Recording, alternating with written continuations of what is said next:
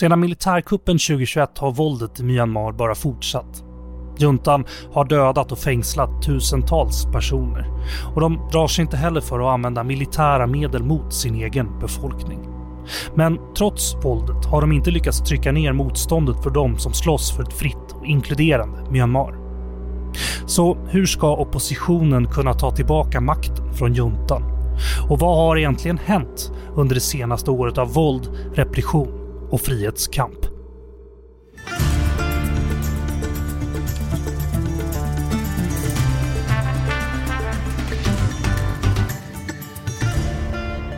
Det här är Utrikespolitiska institutets podd Utblick och jag heter Jonas Lövenberg. För ett och ett halvt år sedan gjorde vi ett avsnitt om Myanmar apropå den militärkupp som genomfördes i februari 2021. Tyvärr har man ännu inte lyckats skapa ett fritt och demokratiskt Myanmar. I det här avsnittet ska vi prata om vad som har hänt sedan dess och hur läget ser ut just nu. För att hjälpa mig och er att förstå läget bättre har jag med mig Kristina Simeon, forskare vid Utrikespolitiska institutets Asienprogram. Välkommen Kristina. Tack så mycket. Och Thomas Cole, forskare vid institutionen för socialantropologi vid Stockholms universitet där han också undervisar. Välkommen Thomas. Tack. Och som vanligt så börjar vi med lite bakgrund för att skapa kontext till det vi ska prata om. Så vad hände egentligen den 1 februari 2021? Kan vi minnas det, Thomas? När jag tänker på det, jag tänker på en viral video som kom mm. fram på den tiden. Ehm, det kanske någon av er som har sett den. Det var ju eh, tidigt om morgonen och i förgrunden av bildet var det en aerobisk träningsvideo av en kvinna som gjorde en ganska sån, ansträngande aerobisk eh, träningsgrej. Just det. Och eh, hon var ju vid en rondel i Naypyidaw som är den nuvarande huvudstad. Mm. Och eh, hon hade den här indonesisk poplåt som ironiskt nog var ju faktiskt en protestlåt mm -hmm. som hon dansade till. Och hon dansade och såg som hon var helt inne i den här. Men i bakgrunden kom det någon stridsvagner. Just det. Långsamt bak henne. Mm. Och de var ju på vägen till huvudstaden för att överta makten. Så eh, de intog huvudstaden, övertog makten och arresterade folkvalda regeringspolitiker. Så det var ju den National League for Democracy mm. och Aung San Suu Kyi. Just det. Och jag tycker det var lite intressant om man tittar på den, för det visar hur absurd och chockerande det var. Det var på en måndagsmorgon. Folk var ju och gjorde sin grej, men i bakgrunden kunde man se någonting annat skumt som hände. Och eh, det är också ganska talande det här, för det visar lite som en dynamiken som vi inte alltid ser. Att det är väldigt mycket vi såg om den här öppningen av Myanmar, att det var en demokratisering av den här transition, heter det, mm. som började typ 2012. Men i bakgrunden, det var alltid militären som oftast eh, tilltalas som eh, Damadon, som väntade att inta makten igen. Man ska tänka att det här är den tredje statskupp sedan 1962. Och vi kan också tänka oss att vissa delar av landet som till exempel Nore Karenstater gjorde med ett fältarbete sedan 2013 egentligen, men äh, det har varit i krig. Det började redan 1949, året efter nationen fick äh, självständighet för britterna. Så äh, det är en del av en mycket längre berättelse. Det inte är det här är som, man tänker på det, någonting chockerande, men man ser att det alltid varit i bakgrunden. Vill du säga något Liksom? Ja, men jag märkte också det att det var ju väldigt många eh, chockade röster från internationellt håll och medier rapporterade om det här och alla var så förvånade över den här militärkuppen och hur den hade kunnat ske i och med det man såg. Eh, man tänkte att Myanmar hade kommit så pass långt. Men precis som Thomas säger, när man pratar med de människorna som bor i landet så har ju alltid de, de har alltid varit rädda för att en kupp ska komma igen. Så de har ju aldrig haft riktigt förtroende eh, för den här transitionen. Och det har hela tiden funnits i deras liksom, undermedvetna och bakhuvuden att det kan hända igen. Eh, men det tror jag framförallt internationella observatörer inte har varit så eh, införstådda i. Och därför kanske de blev mer förvånade när det hände än många andra som kan landet eh, lite bättre. Var, var, det en, var det våldsamt då i februari? Eller hur, kan man säga något om det? Eh, de första dagarna så såg man ju fredliga demonstrationer där det var stora massor som gick ut på gatorna. Speciellt den yngre generationen, Generation Z, var ute och de hade eh, liksom kostymer och plakat eh, och liknande saker. Sen började man också göra gamla traditionella aktiviteter som att slå i Eh, stekpannor och kastruller en viss tid varje kväll. Så det började med ganska så kreativa demonstrationer. Man hade också såna videoprojektioner, skrev ganska roliga budskap eh, om militären. Och det här fick ju då pågå några dagar och jag tror att många då hade någon förhoppning eller tänkte att det här kan inte vara sant. Så här, militären kommer um, backa tillbaka och de kommer förstå att det här är inte det folket vill. Men det här övergick ganska snabbt till ett väldigt brutalt motstånd eh, från militärens sida.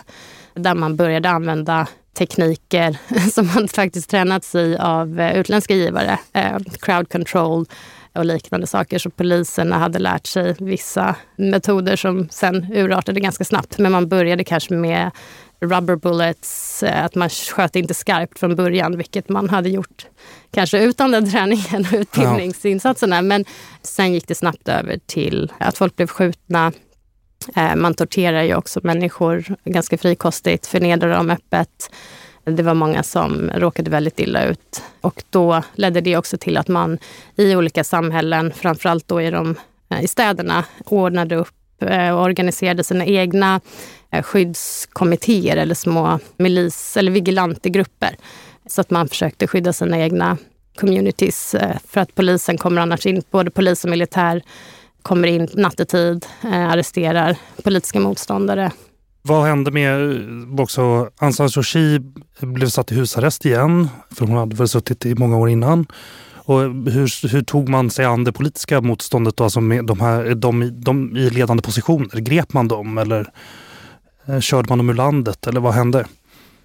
Ja, så det är ju en blandning. Man arresterar ju många och eh, ja, Aung San Suu Kyi hon satt i husarrest sen hon blev åtalad och eh, straffad för ett flertal brott hon är anklagad för. Sen var det några som lyckades fly landet ganska snabbt. För mm. de märkte ju vad som höll på att hända och visste vad konsekvenserna skulle bli. Eh, så vi har flera ledande politiker som lever i exil i Sverige, Tjeckien, USA, Frankrike runt om i, i världen. Sen har du några som befinner sig i gränsområden och det har man också gjort. Eh, vid andra protester så har man tagit sig från eh, de större städerna till gränsområden för att där söka skydd och få hjälp av de etniska minoritetsgrupperna och deras militärer. Så det har man också gjort. Och då genom att de här politikerna har kunnat ta sig ut så har de mobiliserat eh, en parallell eller skuggregering som egentligen är den legitima regeringen men det finns ju olika åsikter om hur man erkänner en, en regering och så vidare. Men de har då i exil kunnat mobilisera ett politiskt motstånd och de har Eh, alla sina möten på Zoom. Så det blir också lite eh, här, positivt i det negativa att i och med att covid kom innan så hade man eh, fått en väldigt stor förståelse och kunskap om hur man använder internet för att träffas. Så alla de här politikerna har nu en väldigt stor förståelse för hur man använder Zoom och kan mobilisera Zoom-möten. Och det hade man nog inte haft om man inte hade haft covid innan. Men i och med det så kan de utföra liksom regeringsliknande funktioner och processer i de här Zoom-mötena med folk som sitter över hela världen. Så man har ju både ett parlament, en regering och sen ett People's Assembly och en struktur som förenar de etniska minoritetsgrupperna och civilsamhället och sådär. Just det, och vi ska komma tillbaka till det. Thomas, vad har militären för plats i samhället i Myanmar? Det kanske är mer fråga om vad man säger och vilken militär man tänker ja. om. För militäret, jag antar att du menar den här Myanmar-regering som den här, Visst. eller Myanmar-armén, som är ju en damadom. Om gränserna som jag känner kanske mest till kan man säga att det är väldigt ofta de förstås mer som en ockuperande makt. Oftast uppfattas som illegitima och väldigt ofta som främmande. Det finns ju väldigt många grunder till det här, men delvis på grund av en väldigt lång historia av våld. Datmando har ju sedan i alla fall 60-talet fört en slags upprörsbekämpningsstrategi. Det kallas för en counterinsurgency policy. Då de har ju eh, haft civilmål. Eh, de har ju målrättet gått efter civilbefolkning på ett sätt att kutta, att eh, separera folket från upprörsarmén. Eh, väldigt ofta heter den här the four cuts, den som fyra snitt. Idén var att de ska ju separera militärgrupperna från befolkning med mat, så det inte kan ge dem, som de inte kan mata dem, att de inte kan ge dem pengar, att de inte kan ge dem information och att de inte kan ha nya soldater. Och idén var då att genom den här policy var det att plötsligt en civilbefolkning blir ju ett legitimt mål, militärt mål. Det här har ju pågått igen sedan typ 60-talet. Och idén var att det ska ju på något sätt svälta oppositionen, att de inte får mat, de inte får uh, nya människor. Och det oftast det följdes med med att militäret, alltså där då, då um, gick in till en, en liten by och de tog alla människor och flyttade dem till någonstans där de inte kunde få tillgång till den här upprörsarmén som de bekämpade. Och väldigt ofta då spridit väldigt många landminer. Och väldigt ofta var det ju utpressning, sexuell våld, tvangsarbete och, och den här uh, gigantisk eh, tvångsflyttning eh, uh, av människor. Men om man tänker på militär som den lokala militären, det vi oftast kallar för en non-state armed organization eller rebellgrupperna, de väldigt ofta eh, förstås som legitima. De oftast förstås som att de är med som en stat. De har ju sina egna statsorganer, de har sin egen byråkrati, man måste ju ha speciellt dokumenter för att resa, de har sina egna myndigheter. Så de ses mer som en del av en stat, en fungerande stat. Men det var också lokalt då antar jag, på de olika, olika delar i ja, landet? Ja, speciellt i Karenstat har jag gjort min forskning, hade vi en väldigt utvecklad statsapparat. Och det blir väldigt svårt att kalla dem fortfarande för rebellgrupp. En del av min fråga här är också den etablerade statsarmén då som lyder under juntan de har väl ändå en ganska speciell plats i, det, i samhället i Myanmar? Alltså de, eh, och jag vill bara också betona det Thomas säger, hur viktiga de här lokala strukturerna eh, är. Men att det är ju inte den här eh, brutala Tatma då, som vi pratar om då, utan andra grupper på en annan nivå. Men om man tittar på militären i liksom mainland Myanmar så har ju de en väldigt organiserad struktur eh, där du ofta föds in i en militärfamilj. Eh, du gifter dig med någon från en annan militärfamilj. Man bor i specifika såna här boenden man får av militären. Du har sjukvård, du har skolgång. Så det är ett väldigt starkt eh, system. Och det är väldigt svårt att lämna det här systemet också. Det är väldigt svårt att återintegreras i samhället av olika anledningar. Både för att man kan ha svårt att hitta arbete och alternativa sysslor men också för att man inte är så pass så välkomnad eh, alltid att komma tillbaka till vissa områden för att de vet då vad som har hänt med dem. Sen har man ju också barnsoldater som, man, eh, som får droger och som lever ett väldigt eh, brutalt liv i, i den här militären. Sen har man också ett väldigt utbrett Eh, system av angivare så att är det så att du studerar på militärakademin och en person i din klass eh, anklagas för att vara angivare eller har förrått någon, då kan det vara så att hela allihopa straffas eller får gå därifrån. Så det är ett väldigt så här, utbrett system av att hitta angivare och att försäkra sig om att ingen går emot militärens intressen. Eh, och på samma sätt så har du ett ganska utvecklat system av korruption och mm, sätt som de hö högre militärerna eh, kan få stora rikedomar. Så det blir en slags motivering och motivationskraft då för de yngre som ofta är ute länge i fält, har knappt någon mat eh, och har det väldigt bedrövligt. Men då ser de att när vi seniora på de här andra positionerna, då kommer vi också kunna ha ett eh, liv fullt av rikedomar. Och det är ju verkligen extrema rikedomar som de här eh, högst, högt uppsatta militärerna eh, har tillgång till. Och idén, eh, det här, allt det här måste ju vara en del av motivet till att ta makten antar jag? Att upprätthålla det här systemet, eller?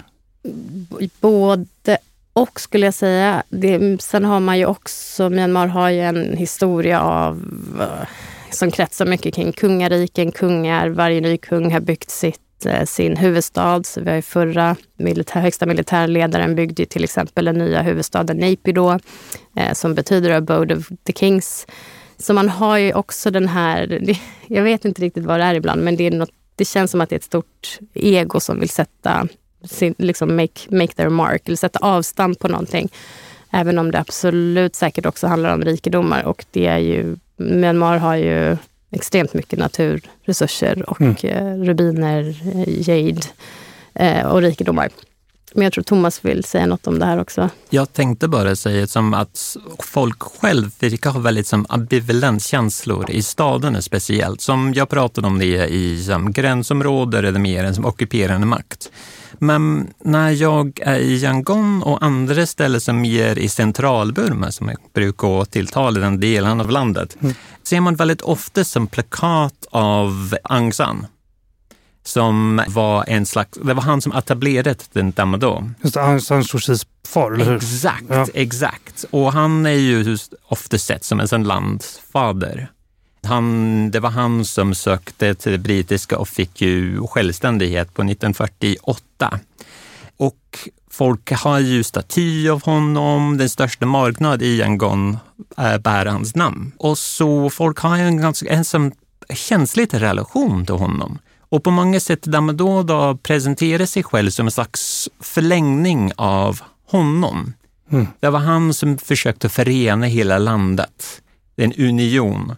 Så på många sätt, folk, min uppfattning i alla fall, att folk fortfarande har en förståelse av Damado som en slags förenande makt, någonting större. Och det är därför också det varit så svårt för Aung San Suu Kyi att väldigt liksom uttryckligen kritisera militären. För även mm. hon, hon är ju dotter då till Aung San och hon vet också hur viktig militären är som institution för hela samhället. Mm. Så det blir en väldigt svår balansgång där. Och vi ser ju nu vad som har hänt som ett resultat av det. Men eh, man märkte det även eh, när hon då i alla fall verkade ha makten. Just det. Vi ska snart hoppa på lite vad som händer nu då, men först måste jag bara fråga, det här med Myanmar eller Burma, vad säger man? Thomas, kan du ge oss en kort, en kort förklaring? ja, alltså ni hade ju Jenny och Niklas här innan. Ja visst, men vi, ehm, för de som lyssnar de, nu. Mm. Ja exakt, så de pratar väldigt mycket om det här att du kan inte helt säga det rätt. Båda två har sina egna som bagage, mm. båda två år. Jag kan kanske säga det så här att det var ju um, väldigt många som, som Niklas sa innan, mm. väldigt många som var i motståndsrörelse, de väldigt ofta tilltalet är, de, de pratar om Burma som, som Burma. De använde ord Burma och det var för att visa motstånd.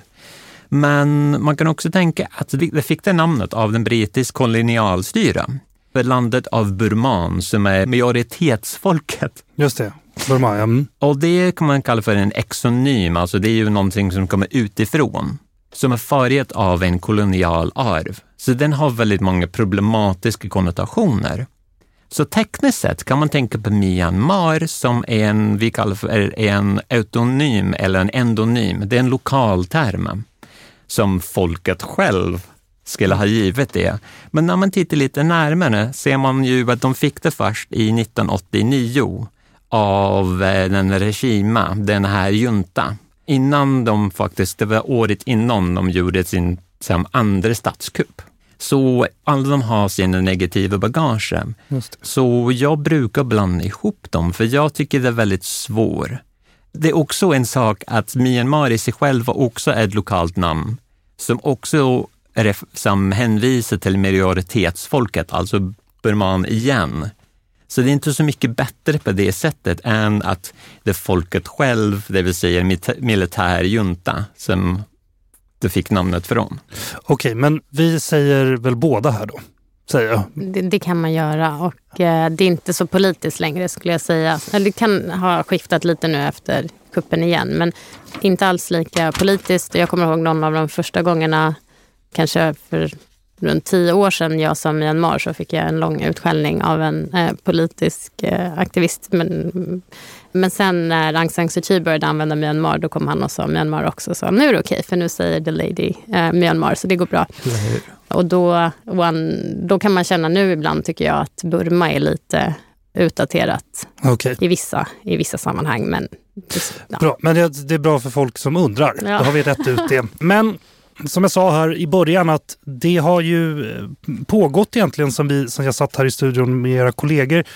Den här kuppen som man väl kan säga egentligen kanske inte har, har lyckats då eftersom man inte har fått kontroll över landet. Så, så hur är läget i, i Myanmar just nu? Kristina?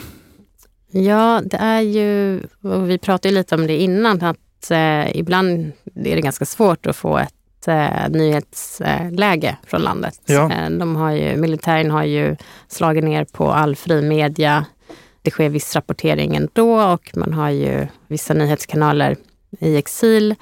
Eh, men liksom Facebook som var ett typiskt kommunikationsmedel innan och Twitter och sånt är ju mycket mer, har också tystnat ganska mycket. Men så som jag eh, uppfattar situationen från de jag brukar prata med i landet, så de som bor i huvudstäder eller de större städerna, där känns det lite som att livet har återgått lite till det vanliga. Och inte det vanliga då som det var under den här mer öppna perioden, utan lite så här back to business. Men jag upplever också att folk vet hur de ska överleva i, under en sån här situation.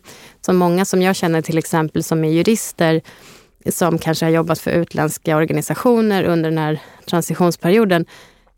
Efter kuppen så var det nästan som att de, de visste precis vad de skulle göra. Och de kunde det arbetet när de går till domstolar och försvarar politiska motståndare, det arbetet kan de så mycket bättre än det de försökte göra eh, för de här utländska organisationerna som var i landet. Så Okej. det, lite, det finns en slags eh, sorglighet i det också, men jag upplever att de är väldigt folk överlag vet, och nu pratar jag inte om gränsområdena, för där har vi en helt annan situation som Thomas får eh, prata om sen också. Men om man tittar på de här större städerna så hittar folk ett sätt att överleva. Även om vi har, vi har skenande priser, inflation, så det är ju många sådana problem. Men där igen, det, på något sätt så lyckas de eh, ta, ta sig runt eh, och klara vardagen. Eh, sen så är ju militärens närvaro tydlig och man upplever ju en större, igen, att det finns en stor misstro eh, bland människor runt omkring en. Och du har ju inf- infiltratörer, informatörer, så man kan alltid bli angiven, så det finns ju en stor stress i det också. Sen så har ju militären också återinfört mycket av den koloniala lagstiftningen som man jobbade flera år med att ta bort. Eh, och en viktig lag där är en som gör det möjligt för militären att komma eh, till olika bostäder på natten för att kontrollera deras eh, registreringslistor. För man måste registrera alla som bor och sover på en viss adress. Eh, och det här är ju ett sätt att då skapa rädsla och kontrollera människor. Och så att man inte rör sig heller mellan olika bostäder. Men sen är situationen i gränsområdena och de etniska minoritetsområdena extremt mycket Våldsammare va? Mycket, Kan man- mycket våldsammare. Ja, Thomas, kan du inte berätta om det? Jag vill säga att på många sätt det gått tillbaka till det det var innan fredsprocessen och det är tillbaka till fullständigt krig på väldigt många sätt. Man kan tänka sig att jag kan mest om Karenstat Mm. då jag har gjort mitt fältarbete, men där i alla fall är lokala militäret där har börjat inta militärbas där och försöka ockupera makt, förlåt, ockupera mark igen. Mm. Och för igen, de uppfattar militäret i det här området, alltså är de då som en ockuperande makt. Så de på något sätt, de plötsligt har möjlighet att börja och kämpa igen för marken. Väldigt många har visat starkt missnöje med fredsprocessen. Att under fredsprocessen har ju den Myanmar-stat inträngt längre och längre in i området och tagit mer och mer mark och makt ifrån lokal grupp. Så på något sätt, det har varit ju att de har då försökt att pressa ut väldigt mycket av det som har hänt i den här mellanperioden. Men det, det är viktigt att komma ihåg att det, folk har levt med det här krigen i över sju decennier. Mm. Vissa människor. Så det är ju normalt för dem. Det är inte, de lever ju på något sätt den normaliteten i den här krisen. Det är som en everyday crisis.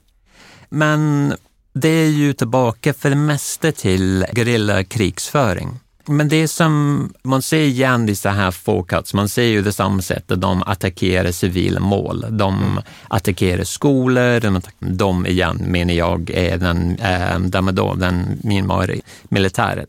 De attackerar ju kyrkor och andra ställen som är väldigt tydligt civila mål. Men på grund av att det är ju konflikt överallt nu, det är väldigt mycket mindre trupper på marken. Så nu är det ju mycket mer luftangrepp. Mm. Så det är ju väldigt många eh, stridsflygplan, det är attackhelikopter och nu är det mycket mer med drönare som flyger över och gör som övervakning från luften. Så folk jag känner som bor i det här området säger att hela tiden är det ju någonting som flyger över och övervakar dem. Mm. Men samtidigt, man säger ju att som sagt den har spridit sig mycket längre. Eh, jag har precis läste idag om att det är väldigt mycket konflikt i ehm, um, Segain-regionen som är i nordöst. Att det är en område som har flertal eh, burman, det vill säga den här majoritetsbefolkningen.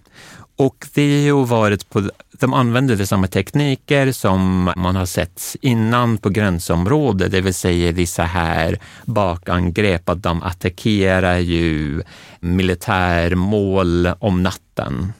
Mm. Till exempel, eh, de använder vägbomber. Och visst, vissa av dem, eh, det är dessa här PDFs, dessa People Defense Forces, vissa av dem har börjat att producera sina egna vapen. Mm för det inte finns något vapen att de har tillgång till. Så eh, det är väldigt mycket som händer. Ja, men jag tänker det här med att vända sitt eget flyg, flygvapen mot sitt egna folk, går det att betrakta som ett krigsbrott? Är inte det att gå väldigt långt? Eller? Går det, det hade jag om sagt det? om det inte var att de har gjort det i väldigt, väldigt många år. Mm. Det här är inte speciellt någonting nytt. Jag har pratat med människor i gränsområdet som kan berätta om det, den gången det hände på 80-talet eller 90-talet. Mm. Okay. Det är ju det som är nytt är att det nu händer ju också i uh, delar av landet som har en burman, alltså majoritetsbefolkning. Mm. Det är inte bara minoriteterna som drabbas längre. Exakt, Nej. och det är någonting väldigt nytt. Thomas nämnde ju det här med civila mål och att man attackerar civila. Men, och det är ju ett begrepp och koncept som, som många har. Men jag skulle inte säga att den, den här militären eh, har någon förståelse för vad civila mål är. För för dem är alla som går emot dem fiender. Mm. Eh, och det kan inkludera barn, gamla, eh, alla oavsett. Och man arresterar ju barn, man attackerar skolor. Så att, eh, det, det, är inte en militär som någonsin har fungerat som någon som ska skydda landets yttre gränser mot Eh, angrepp, utan man attackerar den egna befolkningen som går emot militärens intressen. Och det är det som också har varit så svårt när man från annat håll eller internationellt håll, man har ju lagt mycket resurser på att försöka reformera den här militären eller i alla fall skapa någon slags förståelse för dem själva att de behöver reformeras. Men det är just där det ofta klaschar för att de har en helt annan de har inte den här grundläggande förståelsen för att militären ska skydda landets gränser mot yttre hot. Utan för dem är militären en makt som håller samman någon slags påhittad union från sönderfall och alla som går emot den är fiender som bör krossas. Exakt. Du håller med? Exakt, exakt. Ja. Jag måste också fråga, vad, vad händer med Aung San Suu Kyi nu då? Sitter hon fortfarande i finkan? Eller vad? Vad säger ni? Hon, eh, jag tror, hon är ju dömd för ett antal påhittade brott. Hon får eh, år, straff på straff på straff. Jag vet inte hur många år vi är uppe i nu, men säkert eh, över 20 var det sist jag kollade. Så hon sitter där hon sitter. Sen så läste jag någonting som fladdrade förbi igår om att hon eh, det är några som tror att det är någon fake news, men det cirkulerar något rykte om att hon ska ha träffat andra företrädare från den här parallellregeringen för att diskutera det kommande valet som militären, militärjuntan har utlovat. Jag vet inte, har du hört något mer om det Thomas? För, Ingenting. Nej, så man vet inte riktigt om det är rykten som florerar, om det är militären som försöker eh, hitta på då att Aung San Suu Kyi skulle vara för ett kommande val eller om man för någon slags diskussion om en roll för NLD att komma tillbaka och vara med i det här valet. På det är sätt. hennes parti va? Ja, mm. hennes parti. Så att än så länge är det bara på ryktesnivå vad jag vet. Men okej, okay, vi går vidare här. En annan organisation, eller om det nu är ett politiskt parti, det får ni berätta för mig. Men vad är NUG? Vad är det för någonting då? Vad gör de? Och det, mm, det är ju The National Unity Government eh, som har etablerats av de här folkvalda i exil. Och jag kan bara då koppla det tillbaka till Aung San Suu Kyi. Det som har hänt nu efter kuppen det är att hon har suttit isolerad i husarrest och då är det en massa andra politiska aktörer som har mobiliserats på ett sätt som inte har skett under hennes ledning. Det hade kun, kanske kunnat göra det, det vet vi inte. Men man ser ändå att det har hänt väldigt mycket eh, som hon inte har varit inblandad i. Och den här NUG, det är ju då deras eh, exil eller parallell legitima eh, regering. För också delar av de som faktiskt valdes innan den här kuppen ja. 2021. Eh, ja, Men inte bara, nej. eller hur? Nu består det också av medlemmar av dessa Civil Disobedience Movement, mm. eh, strejkledare, civil samhällsgrupper, till exempel ungdomsorganisationer, aktivister och till och med i så här etniska eh, beväpnade grupper. För jag, jag, jag fick för mig när jag läste på här innan att att det är väl till och med så att vissa av de här minoritetsgrupperna kanske känner sig bättre representerade av NUG än det, än det partiet som Aung San Suu Kyi har lett. Eller vad säger du om det, Thomas? Mm, jag var på någon samtal för nyligen och um, det var en aktivist som pratade som sa att det är väldigt ambivalent. Det är ju absolut mm. att det får mycket mer plats än vad är en NLD. Men samtidigt, det är ju lite fråga om hur långt det här kommer till att gå. Um, igen, om vi ska gå tillbaka till den här historiska. Efter statskuppet 1990 var väldigt många av NLD flyttade till gränsen, till ett område under Karenstyret. Och um, där var det att de har baserat ju ett område som heter Manaplo som var en bas för en viss militärgrupp. Och det var mycket multietniska samarbete och väldigt lovande. Men tio år senare när eh, NLD kom vid makten, det var väldigt lite av den kvar. Så okay. jag undrar hur mycket, det, jag tror det är inte bara jag som är fortfarande osäker om det här kommer att vara när de kommer till makten. Mm. Just nu väldigt många av dem är beroende av till exempel speciellt The Korean National Union som är den här största beväpnade grupp.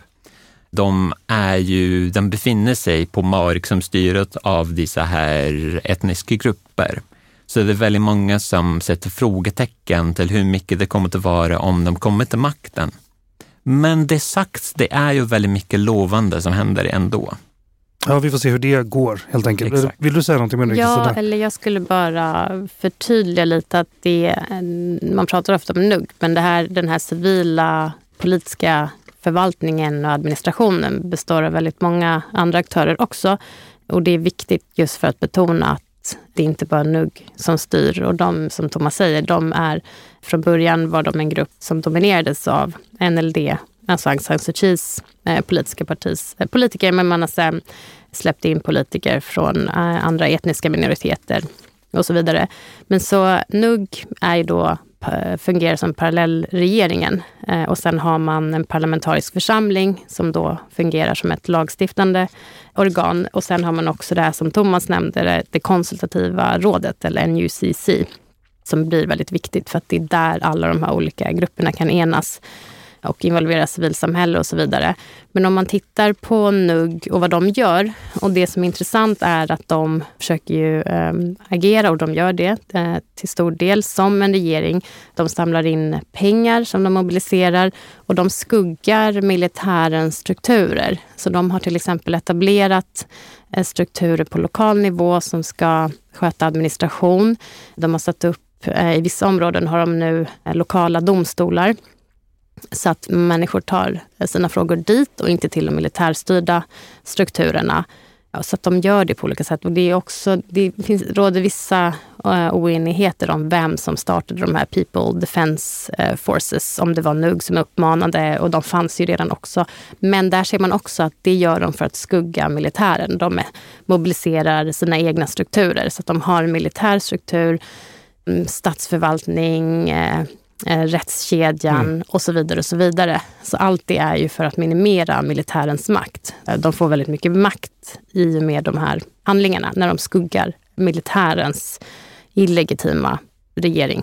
För det är väl så också att ett problem med att göra revolution eller ett problem med att omkullkasta makten är ju ofta att man saknar den här typen av strukturer. Då. Så att när den dagen militären försvinner så har man det här etablerat. Det måste väl vara en del av idén? Absolut, mm. och, och, genom att eh, och där har man ju också den här kopplingen till de etniska minoritetsområdena som har styrts på det här sättet under flera decennier. Så att man har ju kunskapen i Myanmar och militären har ju Eftersom de har haft kontroll över statsförvaltningen så länge så har man ändå haft ganska bra förståelse på lokal nivå, nivå för sätt att hålla sig undan på och hitta andra lösningar. Men absolut, man ser ju en del av revolutionen och motståndet är just att etablera de här strukturerna eh, för att man ska få bort militärens makt. Och där har man ju också använt dödligt våld i vissa fall för att få bort militärens administratörer till exempel. Och det kan man ju ha olika åsikter om såklart, men eh, det är absolut en del av taktiken. Mm. Också, kan jag bara jättesnabbt, det var också en väldigt spännande grej som de gör och det är att de försöker att skriva en Federal Democratic eller Federal Democracy Charter som är sin egen författning. Mm. Målet, första målet på den här nya författningen är att upplösa den här författningen från 2008 som för många har varit väldigt problematisk. Det var ju skriven av den militär regering på den här tiden och de försöker att skriva en helt ny, inklusiv och mer demokratiska samt mer federal författning som ska faktiskt invol- eh, som ska ta med också dessa etniska grupper som väldigt ofta känner sig tillsidosatt av hur det var innan. Och det är ju ännu mer intressant, det är ju snack om också att skapa en slags federal armé. Att upplösa den nuvarande där då och skapa en armé då det är eh, dessa här etniska beväpnade grupper ska behålla sina vapen och bli en del av en större militär makt. För det har varit väldigt stora problem, speciellt under fredsprocessen. Då det väldigt ofta det var den idé om DDR, den här demobilization, dearmament, disarmament. Disarmament, demobilization, reintegration. Tack! Ja, Exakt, och det har varit väldigt problematiskt för det vi har precis pratat om, att en väldigt som predatory regering, en regering som attackerar sin befolkning, eller en regering, en militärgrupp, ja, man inte litar speciellt ja. mycket på dem. Nej. Så det är väldigt lite vilja för människor att lägga ner sina vapen. Så det här är en väldigt positiv utveckling. Vi får se hur det går och hur mycket de klarar att göra det. Men det är ju intressant idé. Det här med att, att skriva en, eh, förbereda en ny konstitution i exil, att ha samhälleliga strukturer på plats och sådär. Det låter ju ganska unikt. Eller har det hänt på andra ställen? Vad, vad säger du Thomas? Vet du en exempel? kanske bra exempel på ja. det är ju det som händer i Rojava mm. i norra Syrien med den kurdiska styrkan. Just det. De har ju um, etablerat en, som en helt som stat som fungerar ju, de har sina egna lager, de har en väldigt bestämd idé som till exempel att det ska vara 50 procent män och 50 procent kvinnor som är med i styre av en viss område. Det har en direct democracy. Funkar det väldigt intressant. Jag har inte hört om någon koppling mellan dem, om de har haft någon diskussioner. Man har också exempel som till exempel Chiapas. Man har ju väldigt mycket i Sydamerika av okay. grupp som har ju skapat sin egen stat från bottom up, så att säga. Okay. Ja, vad spännande, det får vi göra en helt annan podd om, tror jag. Jag måste också fråga, vad gör omvärlden för att stötta Myanmar då? Eller vad ska vi säga, oppositionen kanske vi ska säga i Myanmar? Kristina? Ja, bra fråga. vad gör de? Inte tillräckligt kanske. En del uh, andra länder har ju uttryckt uh, ganska uttalat stöd för den här civila eller parallellregeringen. Några få länder har erkänt dem som den legitima regeringen. Och det kan ju till exempel vara ett kraftfullt verktyg för den här demokratirörelsen att få, få det bekräftat. Men eh, sen så jobbar man väl med ja, traditionella verktyg som att eh, införa sanktioner. Men de är inte särskilt omfattande. De involverar några, eh, några individer eller liksom ett fåtal individer. Vi har ju fortfarande länder som Ryssland och Kina som eh, man, eh, militären kan köpa vapen av. I början av den här protesterna så såg man många som hade såna här plakat där det stod right, eh, uh, RTP, Responsibility to Protect. Man hoppades att omvärlden skulle komma med militär intervention och ta bort juntan. Men det, det kommer inte hända och det här är någonting som behöver gå genom säkerhetsrådet och det blockerar ju Ryssland eller Kina med sina veton. Så att man försöker väl leverera humanitärt stöd. Man försöker ta det förbi och inte gå via juntan men det är inte alltid så lätt. Så jag vet inte om Thomas har mer... Jag har inte en sån här jättepositiv bild av vad omvärlden gör. Jag känner lite att man har glömt bort Myanmar. Alltså förutom de här få medlen man har jag läste ju att förra veckan EU har ju givit sin stöd till NUG. NUG. Mm. Så det är ju ett positivt tecken. Mm. Men det är fortfarande väldigt mycket ord och väldigt lite handlingar. Mm. Och det behövs mer, helt enkelt.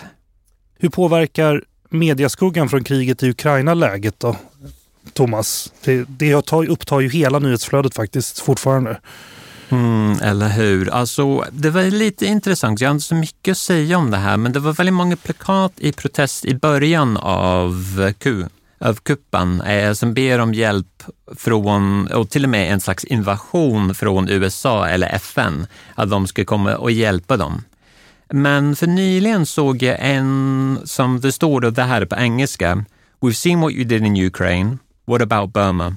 Enough verbal allies. Och då kräver de istället för att de ska ju göra detsamma som gjort i Ukraina och börja skicka vapen och sluta med prat och skicka vapen till dem. Vi vet att det är möjligt nu. Så man ser att det i alla fall människor börjar förstå att det går an. Innan var det en idé att nej, nej, nej, vi kan inte ge dem militärstöd.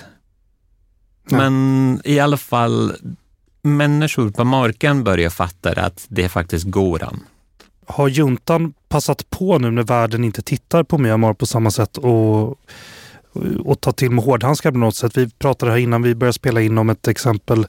Det var någon musikkonsert som hölls av någon av de här eh, rebellgrupperna eller de här etniska minoriteterna och där man eh, anföll med flyg. Och det är ju extremt våldsamt. Så, alltså, är det, händer sådana här saker mer frekvent nu när man inte har ögonen på sig på samma sätt? Går det att säga något om det? Min, vi tittar lik likadant på varandra. Min uppfattning är att de bryr sig inte. Att de, nej, jag tror inte de bryr sig ett dugg om vad omvärlden tycker eller säger eller tänker eller att de ska titta någon annanstans.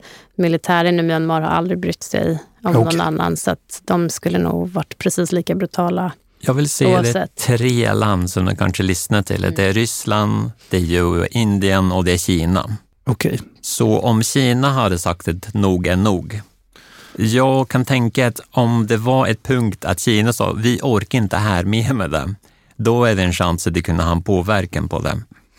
Men just nu, det ser inte ut som det händer. Kina investerar mer i landet än de har gjort innan. De bygger den här Silk Road.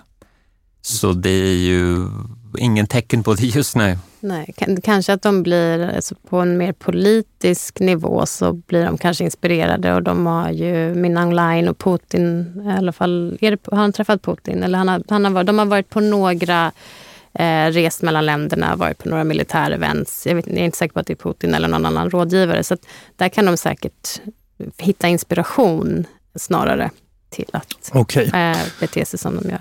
Det, ja, det låter ju inte så positivt tyvärr. Okej, okay, vi ska hinna kika lite på framtiden också innan vi, eh, innan vi är klara. Så hur ser framtiden ut för oppositionen då? Finns det några förhoppningar om att lyckas bli av med militärregimen? Vad säger du Kristina? Ja, men, eh, jag tror ändå det. Nu låter jag jättepositiv, men jag tror faktiskt, jag vill tro att de har en stor uh, möjlighet att lyckas. Och det, men det krävs ju mycket mer stöd och framförallt finansiellt stöd till motståndsrörelsen.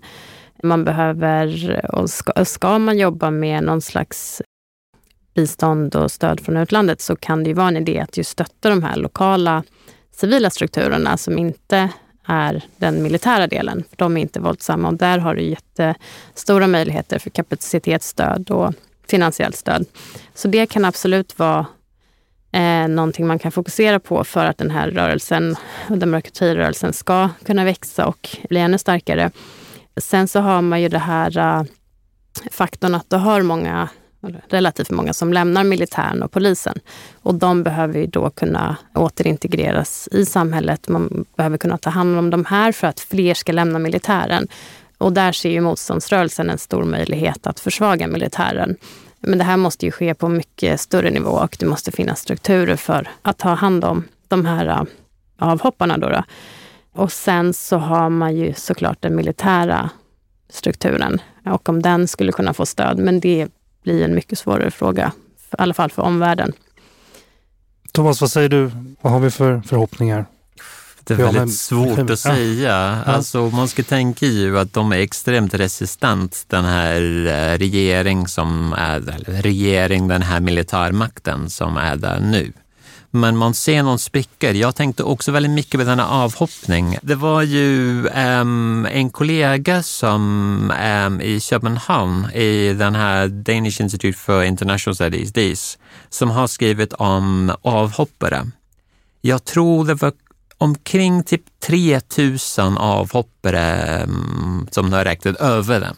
Och det är en väldigt positivt tecken på grund av att det visar ju att inte bara är det mindre och mindre tilltrogen till militär intern, alltså externt, alltså med folket och Damadon, men internt i Damadon, det är mer och mer sprickor. Mm. Och det är ett positivt tecken att det kan faktiskt hända någonting internt, att det kan kollapsa. Jag är speci- de tänker ju att det är ungefär, jag hade skrivit, ja, det är kanske 3700, 375 000 aktiva eh, personal i militäret har jag antecknat här. Så det är ju inte så himla många med 300, 3000 avhoppare, men det är ju fortfarande ett positivt tecken att det kan mm. faktiskt vända om. Ja, och sen, jag tycker också man ser nu att Eh, liksom de som är med i den här rörelsen och folket och eh, liksom i stort eh, inte accepterar mm, en, en, ett militärstyre. Alltså att de känner sig så pass lurade av den här transitionsperioden att många säger att Nej, men nu, nu är det faktiskt nog. Och det ser man ju i och med att många har anslutit sig till den här väpnade kampen och har det extremt bedrövligt. Och vi har en svensk journalist, Magda Gad, som gjorde ett reportage med de här Eh, People's Defence Forces och var i gränsområdena med dem.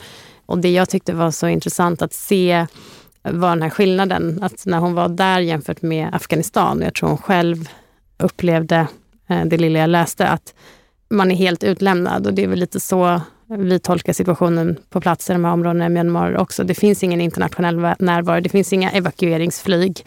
Är du där i gränsområdena så har du en litet hemmagjort vapen och flipflops. Eh, det finns ing, ingenting annat. Det finns inte någon, några militära utvecklade vapen. Inga kängor, ingen som hjälper dig oavsett om du är utländsk journalist eller någon som strider i de här områdena. Men det här gör ju människor just för att de, de ser ingen annan utväg än att militären mm. måste bort den här gången. Så jag tror verkligen att vi har en mycket mer uthållig och ihärdig motståndsrörelse eh, som är mycket mer utbredd än vad vi har sett tidigare vi kan väl kalla det här för ett inbördeskrig, eller? Ja, det kan man absolut det kan man göra. Det kan absolut göra. Men kommer det ta sig om att Myanmar riskerar att kollapsa som stat om det slutar fungera? Vad, vad säger ni om det? Thomas? Så för det första vill jag säga, man kan fråga sig om det inte har kollapsat för länge sedan. Ja. Och på många sätt kan man se det som en stat med många, som består av många stater redan. Och det är också det jag undrar, är om det är inte så negativt om den kollapsar som en stat som den existerar nu. Det har varit en union som har varit drömmen sedan 1947 1997 under en avtal som heter Panglong-avtalet var idén att det skulle vara en multinational union och vi inte lyckas i så många Nej. år. Och frågan är om idén om den här frykten väldigt ofta, speciellt för internationella samhället, om en balkanisering, att det här är någonting extremt negativt. Men i alla fall att det består av mindre stater eller områden med mer självständighet kanske kan vara någonting positivt. Då man har fattat att för att hålla den unionen som den har varit har ju väldigt ofta krävts den här brutal militär styra. Mm. Och är inte, är inte den här unionen också något sånt postkolonialt påhitt egentligen? Det är, väl, det är väl britterna som har klumpat ihop det här och bestämt var gränserna ska vara så då, eller? Exakt. Ja. Man tänker ju att det har ju äh, ökat och krympad beroende på vilken som styr landet. Mm. Delar av landet har tillhört Thailand, delar har ju varit ett som område utan någon styre alls. Vissa delar har aldrig haft någon som tydligt styre för brittiska regering intog makten. Mm. Så ja, det är väldigt mycket påhittad stat. Alltså det här, själva begreppet eh, stat blir väldigt eh, intressant om man applicerar det på Myanmar. Och så ens egna idéer om vad en stat är, om vad en stat gör och fyller för funktioner. Och speciellt när militären är så pass in, involverad mm. på väldigt invecklade sätt eh, och kontrollerar den här staten så får man ju verkligen eh, tänka på att inte gå dit och leta efter någonting som man själv är van vid att se kanske i Sverige eller andra länder. Man får nog komma dit med ett helt så blankt papper och försöka förstå sig på hur, hur man tänker och hur man ser kring institutioner och regeringar och parlament och staten i stort eh, i en kontext som Myanmar. Och det är väl ofta det felet man gör, att man, man letar lite efter det man känner igen och tror att en stat är till exempel. Men det ser väldigt annorlunda ut i Myanmar. Avslutningsvis då. Det är ju lite tunt med rapporter härifrån, men, men vad ska vi hålla koll på framöver i den här konflikten? Thomas? Jag tänker fortfarande att det är lite hopp med den här avhoppningen från Damadom och eh, sprickor internt i militärjuntan som kan möjligen föra till att en stor ändring. Och mm. den här Federal Charter, då är den här skuggregering försöker att skapa sin egen eh, som grundlag som jag tycker är väldigt intressant och någonting som kan utarta till någonting spännande.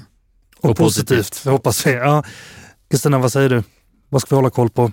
Jag har, jag, först bruk, jag har tänkt ett tag att det här valet 2023 inte skulle vara så intressant för att det är bara på militärens villkor. Men nu har jag fått för mig, när jag hörde de här ryktena om Aung San Suu Kyi, att det kommer bli lite intressant ändå. Ja, det kan hända att det bara blir en repetition av tidigare liksom, påhittade valprocesser. Men jag tror ändå det blir intressant att följa det och det ska bli intressant att se hur omvärlden eh, reagerar på det. Och sen som Thomas säger så splittringar inom militären eh, men också liksom dödsfall. Alltså vi har ju, jag tror att det är en stor risk att någonting händer med Aung San Suu Kyi till exempel och det skulle mm. kunna leda till extremt mycket ilska bland folket. Så det är ju sådana saker. Jag tänker några för nu, så som situationen är nu, så är det ju bara utdragna, brutala våldet. Men lite sådär, ja men det, här är vi vana vid. Men sen kan det ju hända sådana här saker som gör att saker rör sig om. Och då kanske vi kommer se mycket större sammandrabbningar. Det är en annan möjlighet som är ju att det blir ett val och militäret tar makten som en folkvald regering. Mm -hmm. Och att då uh, tappa den internationella intresset totalt. Så det är ju också väldigt problematiskt. Man har sett det i Thailand till exempel. Det var en statskupp och um, kuppledaren då um, blev statsminister. Och vi oftast inte tänker på det, men den här är ju en tidigare general som nu är statsminister för Thailand. Och man ser väldigt mycket spegling över gränsen i Burma. Man mm. undrar vad som hände där också. Okej, vi får hålla ögonen öppna och får väl anstränga oss lite också för att faktiskt ta reda på vad som händer i Myanmar. Kristina Simeon, forskare vid Utrikespolitiska institutets Asienprogram. Thomas Cole, forskare vid institutionen för social antropologi vid Stockholms universitet. Tack för att ni kom. Tack så mycket. Tusen tack. Nu har du lyssnat på Utrikespolitiska institutets podd Utblick. Glöm inte att trycka på prenumerera-knappen i appen där du lyssnar på oss. Vill du veta mer om UIs forskning och omvärldsbevakning, gå in på ui.se. Vår vignett är komponerad av Frid en Frid. I kontrollrummet idag sitter August Bolin. Jag heter Jonas Lövenberg. På återhörande.